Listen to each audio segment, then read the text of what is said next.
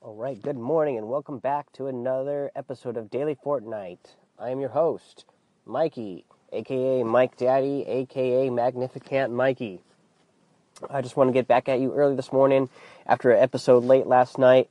Uh, I hopped on early this morning, started playing, uh, and we got some confirmation of one of the rumors that's been going around uh, for vending machines. Uh, it was posted on there uh, on Fortnite saying that vending machines are coming soon.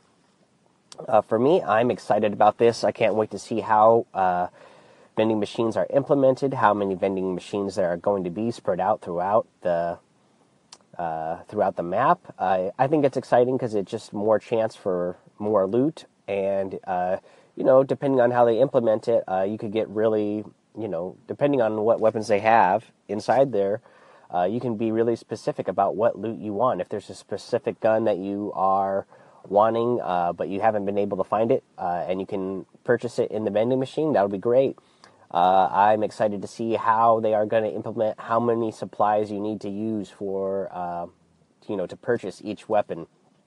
Um, you know, obviously, I would think the way they would set it up is lower tier weapons would be lower amount of supplies, and you know they maybe would have some high tier weapons uh, that would cost a high amount of supplies.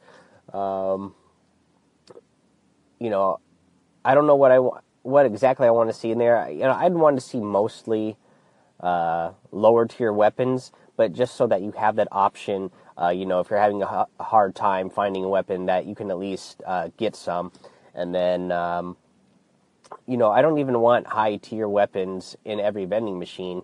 Uh, but if there are some at some vending machines, but they cost a high amount of supplies, then I think that would be a good way to implement uh, the vending machine.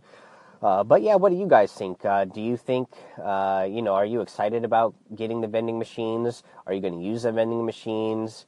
Um, or are you not excited? Either way, I want to hear about it. So go down that Anchor app, use the call in button for the show uh, so you can get your uh, message featured on the show. Um, again, yeah, just let me know. Are you excited? Are you not excited? Uh, again, uh, this episode is coming shortly after an episode that I had to do late last night. Um, so, uh, you know, if, also if you're going to respond to the idea of Tilted Towers going away or being changed, let me know that as well. Are you excited for that? Or are you not excited for that? Um, what do you think about the meteor in the sky? I want to know.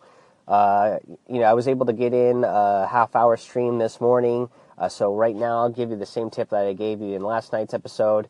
Uh, you know, the only way you're going to get better at anything is to do it. Uh, we've talked about that in previous episodes, uh, but then do it consistently, do it often. Even though I only got 15 minutes in of playing time yesterday, only a half hour so far today. I plan on doing another hour later tonight.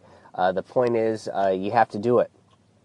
Um, that's the only way to get better at something is to do it consistently. Uh, right now, I'm teaching my six-year-old how to play guitar, and you know we try to play. We don't play a a long amount every day because he's only six years old, so he can't handle hour-long practice sessions. But if we do 10 to 15 minutes every day, uh, he gets he gets better. You know, he can, he can improve. Um, you know, from the time I started teaching him uh, guitar uh, at Christmas, when I got him a guitar for Christmas, uh, to the point he can play now is awesome. Uh, you know, he didn't he couldn't you know figure out how to pluck the strings when he first started playing. Uh, but now he can name all the strings, he can pluck them, he can play the entrance to Nothing Else Matters by Metallica. Um, you know, and this is what we're only, you know, four months after Christmas, and he's able to do this. Uh, you know, if you're if you're struggling in Fortnite, you know, just play even if it's only 10, 15 minutes a day. Uh, if if you're busy, you know, that's better than nothing. Uh, you will get better at it.